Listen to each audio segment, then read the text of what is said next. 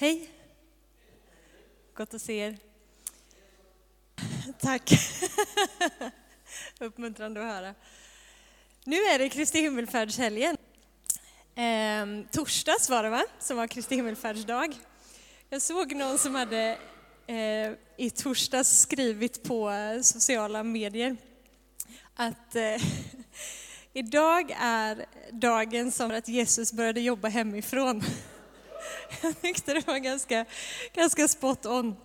Bra sagt. Kristi himmelfärdshelgen, av alla kristna helger och högtider som vi firar, så är den här helgen kanske den som hamnar lite i skymundan ibland. Eh, den som vi inte uppmärksammar riktigt lika mycket, men den är ändå en central del i frälsningsnarrativet. Vi ska läsa texten som eh, finns i Apostlagärningarna, eh, Apostlagärningarna kapitel 1, från vers 1 framåt.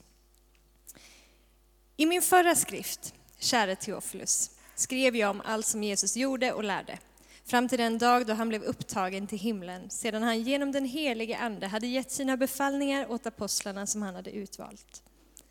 Han visade sig för dem efter sitt lidande och gav dem många bevis på att han levde, då han under 40 dagar lät sig ses av dem och talade med dem om Guds rike.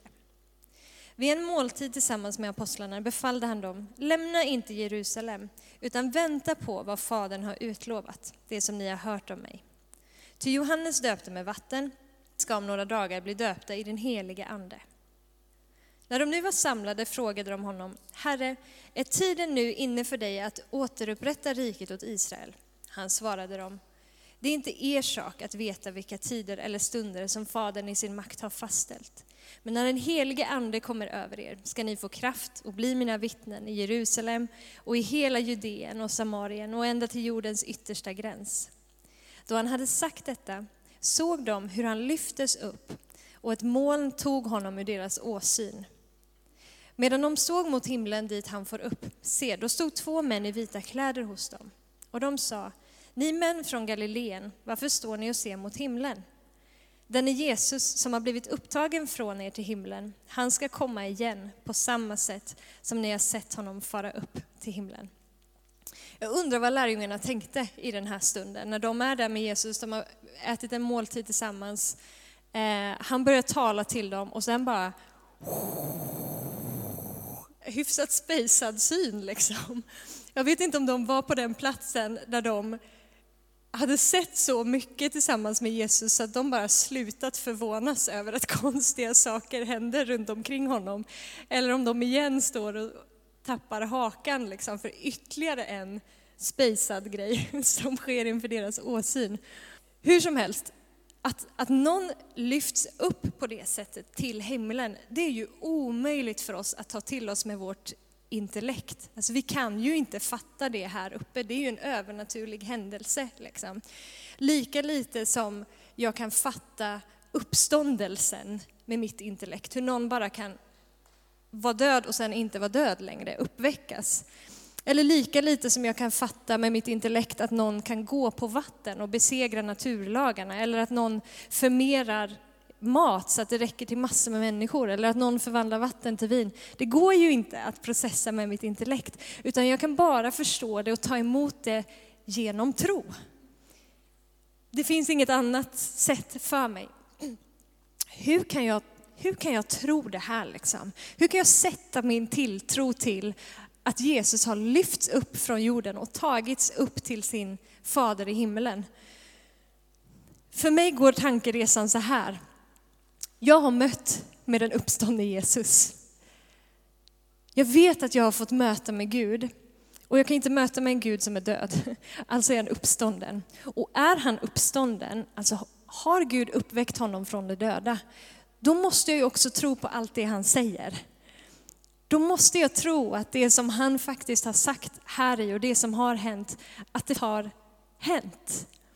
Och för att jag har mött med den uppståndne Jesus så kan jag också sätta min tilltro till att han dog för mina synder, för att försona mig med sig själv. Att han uppstod från de döda för min rättfärdiggörelses skull. Och han ger mig också tro för sin himmelsfärd. Och han ger mig också tro för att han en dag ska komma tillbaka på samma sätt som han lyftes upp. precis som att korsfästelsen och uppståndelsen hade en mycket djupare innebörd än bara den faktiskt fysiska händelsen.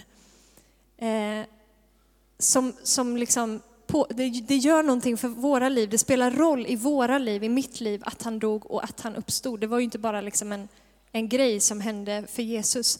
Precis som att de händelserna hade en djupare andlig innebörd så har också himmelsfärden en djupare andlig innebörd som också har en, en signifikant betydelse för ditt och mitt liv. Vad, tänker du då? Bestämmer jag att du tänker nu. Vad är det som det här betyder? Varför spelar det här roll? Varför var det viktigt att Jesus skulle stiga upp till himlen och sätta sig på Faderns högra sida?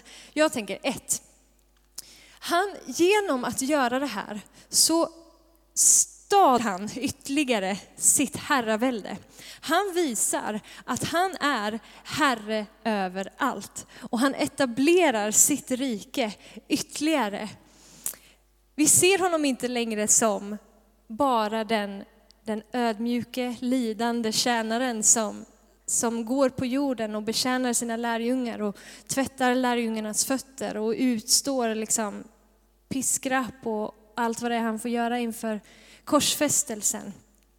Utan den uppståndne Jesus nu stiger upp till varifrån han en, en gång kom upp till sin härlighet och sätter sig på tronen igen som en triumferande kung, som en segerkung. Och allting har lagts under hans fötter. Efesierbrevet 4 säger att han har stigit upp över alla himlar. Det kan vi fundera på, vad betyder alla himlar? Vad då finns det flera himlar? Den får du fundera på när du går hem härifrån. Eh, men vi ska läsa från Efesierbrevet kapitel 1 också, vers 20 och 23. Där säger, Jesus, eh, säger Paulus så här. Med denna kraft verkade han i Kristus när han uppväckte honom från de döda och satte honom på sin högra sida i himlen över alla först och väldigheter, makter och herradömen.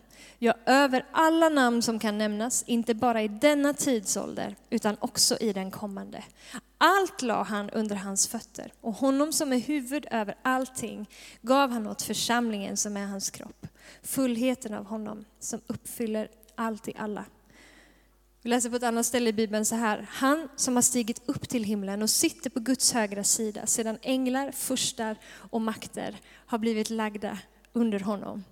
Vi vet ju att Jesus har brutit och besegrat ondskans makt genom sin död och sin uppståndelse. Så döden kunde inte längre hålla honom. Så han har, han har segrat och avklätt, eh, avväpnat fienden när han på korset triumferade över dem.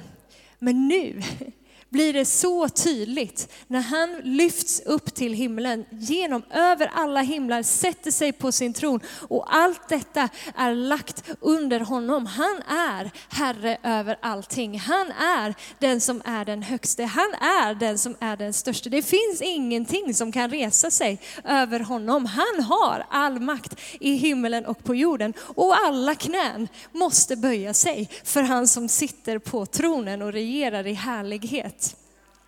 Ja, det var värt ett amen faktiskt. Så han bevisar att han är herre överallt. Varför måste han mer gå tillbaka till sin fader och sätta sig på hans ögra sida?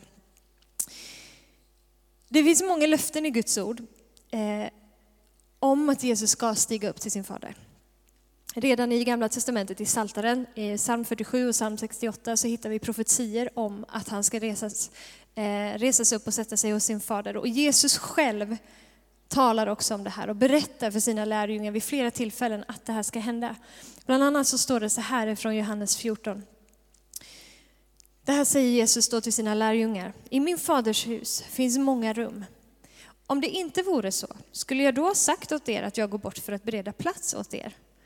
Och om jag än går och bereder plats åt er ska jag komma tillbaka och ta er till mig för att ni ska vara där jag är. Varför går han? Han säger, jag ska gå för att bereda plats åt er. Han förbereder vägen för dig och mig. I hans faders hus finns många rum och nu går Jesus dit för att förbereda din och min plats som vi ska ha tillsammans med honom. Och så ger han också samtidigt löftet om att en dag så kommer jag tillbaka och hämtar er för att ni ska vara där jag är, för att jag ska få ha den fullkomliga gemenskapen tillsammans med er igen. Och så säger han några verser senare i vers 6. Jag är vägen, sanningen och livet och ingen kommer till Fadern utom genom mig. Jesus stiger upp genom alla himlar, sätter sig på Faderns högra sida för att förbereda vägen för att du och jag ska kunna ha samma gemenskap med honom. Han visar vart vår destination är. Och det finns ingen annan väg förutom genom honom. Det är bara han som har förberett den vägen. Så vill vi ha gemenskapen med Fadern så är det genom Jesus Kristus. Han har banat väg för oss för evighet, men också redan nu. Inte bara en dag när du dör så kommer du till himlen för att Jesus har berättat en plats åt dig. Utan det finns någonting av detta som är en verklighet redan nu, som spelar roll faktiskt i våra liv här. Det blir mycket bibelord idag, jag hoppas att det är okej med er. Efesierbrevet kapitel 2.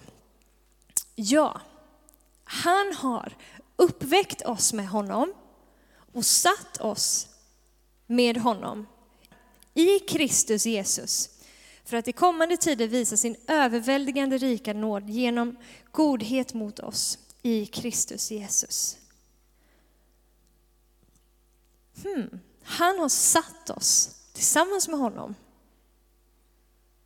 i den himmelska världen. Så redan nu har vi, du och jag, tillgång till den himmelska världen. Hur då? För att Gud genom Jesus Kristus har förenat himmel och jord genom att han steg ner, blev del av sin skapelse, försonade oss med sig själv genom att dö för våra synder och sen uppstod för att kunna föda oss på nytt. Och han gick tillbaka till Fadern för att vi skulle kunna vara med honom där han är. Så genom Jesus som nu är i himlen så har du och jag access till det himmelska. Vi sitter tillsammans med honom på Faderns högra sida. Det är därför som Paulus kan säga en sån sak som att vi har vårt medborgarskap i himlen. Hur då, tänker vi? Vi, ju, vi bor ju här. Ja, men Bibeln talar om för oss att han har satt oss tillsammans med honom i Kristus Jesus på Faderns högra sida. Därför så sitter vi också där på något vis. Försök förstå det med vårt intellekt om vi kan. Det funkar inte. Men Genom Jesus så har vi access, medborgarskap där. Det är också därför som Paulus säger i Efesierbrevet kapitel 1 och vers 3 att i Kristus så har han välsignat oss med all den himmelska världens andliga välsignelse. Det kommer dig och mig till del för att vi sitter i Jesus bredvid Fadern. Ja, tack Jesus. Så här säger Hebreerbrevet kapitel 4, vers 14 till 16. Då vi nu har en stor överstepräst, Jesus Guds son, som har, vad har han? Stigit upp genom himlarna. Så låt oss hålla fast vid vår bekännelse. Ty vi har inte en överstepräst som ej kan ha medlidande med våra svagheter, utan en som blev frestad i allt liksom vi, men utan synd. Låt oss därför, varför? Jo, för att Jesus har stigit upp genom himlarna Låt oss därför frimodigt gå fram till nådens tron för att få barmhärtighet och finna nåd till hjälp i rätt tid. Jesus har upp, uppstått, uppstigit skulle jag säga. Vad, vad, vad, spelar det för roll? Jo, men helt plötsligt så har vi, till, vi har tillträde till Fadern, vi har tillgång till att gå fram till nådens tron för att få nåd och hjälp i rätt tid. Vi är så nära Fadern som vi någonsin skulle kunna vara för att vi sitter tillsammans med Jesus i den himmelska världen. Hans himmelsfärd visar på hans ursprung och det visar på både vart vi är nu men också på vår eviga destination. Genom att Jesus får tillbaka så visar han också oss vart vi är på väg. Till himlen, till fullkomlig gemenskap med Fadern till den fullkomliga återföreningen. Han uppstod som, den förstfödde från de döda och vi får följa samma väg. Vägen är öppen nu och för evighet. Jesus har genom sin himmelsfärd visat varifrån han kom. För han säger eh, till sina lärjungar i Johannes evangelium, Johannes evangeliet att jag går tillbaka till han som har sänt mig. Så han visar varifrån hans ursprung är. Och det han också visar med att han för upp till himlen är på vilket sätt som han nu ska komma tillbaka. Han lovar att han ska komma tillbaka för att fören, förenas med sin församling igen. När det händer, det vet vi inte. Men att det händer, det vet vi. För Gud har gett oss det löftet. Gud är in the business av att ge löften. Och han är också in the business av att hålla vad han lovar. Det finns, det finns löften som, som Gud kan ge dig och mig som är liksom personliga på, på individnivå som kanske har med kallelse att göra eller eh, han lovar att han ska liksom göra någonting särskilt i, i ditt liv. Eh, och den typen av löften är ju sådana löften där, där Gud vill samarbeta med oss. Han kommer han kommer alltid att vara trogen sin del av avtalet. Han kommer aldrig att svika sitt ord, liksom, utan han kommer stå fast vid vad han har sagt. Men han vill se din och min respons för att det ska gå i uppfyllelse.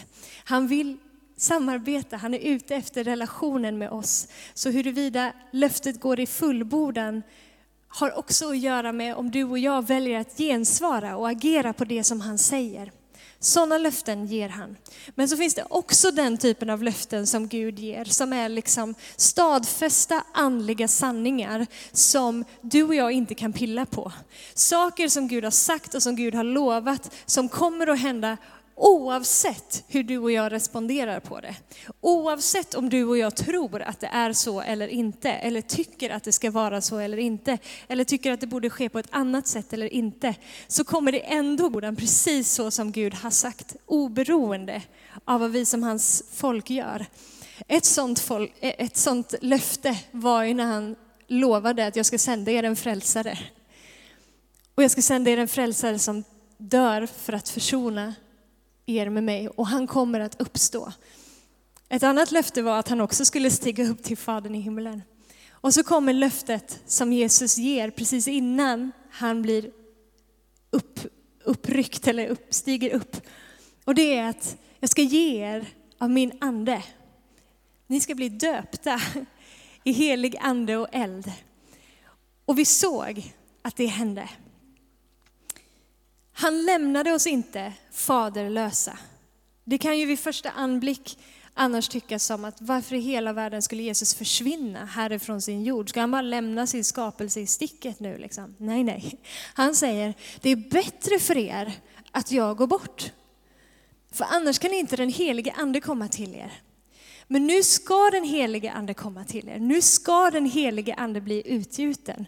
Så hans löfte, medan han stiger upp till himmelen och sitter på sin tron så är hans löfte att nu, under tiden som är nu, medan ni väntar på att det sista löftet ska gå i uppfyllelse, det vill säga att jag ska komma tillbaka, väntar på det, så finns min närvaro hos er. Den helige andens närvaro som är i er. Och i väntan så har han gett oss ett uppdrag. Att gå ut och vara hans vittnen. Från Samarien ända till jordens yttersta gräns.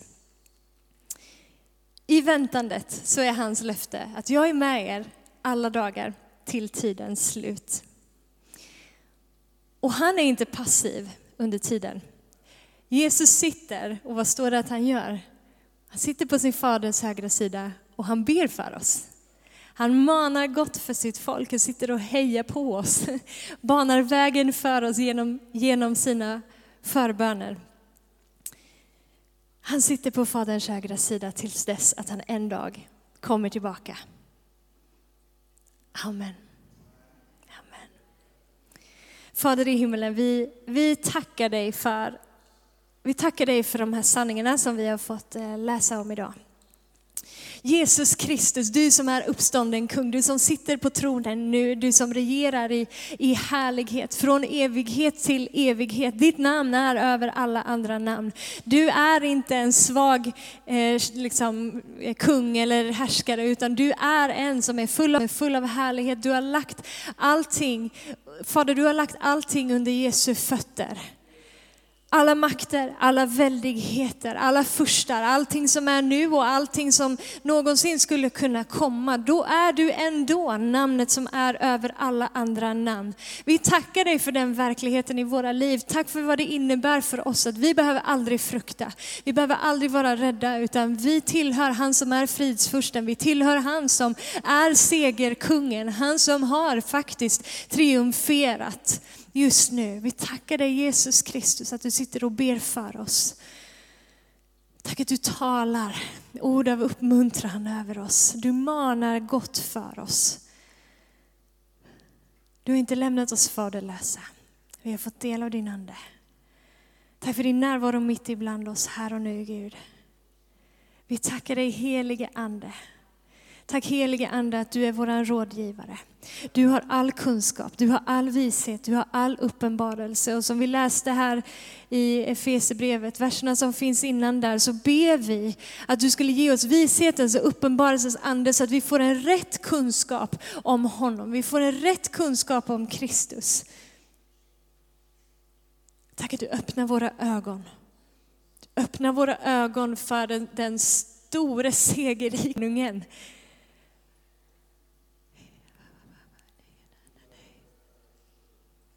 Heligande, jag ber om perspektiv för oss just nu. Eh, vi ber att du skulle räta ut liksom, om våra problem har blivit stora för oss och du har blivit liten för oss. Du rätar ut det just nu så att vi ser att vi har en stor Gud vi har en stor Gud som är över allting annat. Inget problem är för stort för dig, inget mörker är för mörkt för dig, inget djup är för djupt för dig. Herre, för du är den största. Du är den högste, Herre. Vi prisar dig som den kungen idag. Vi lovar dig som den kungen idag. Vi ärar dig som den kungen idag. Därför så ljuder vår lovsång varje dag från nu och till evighet. Mm. I Jesu namn. Amen. Amen.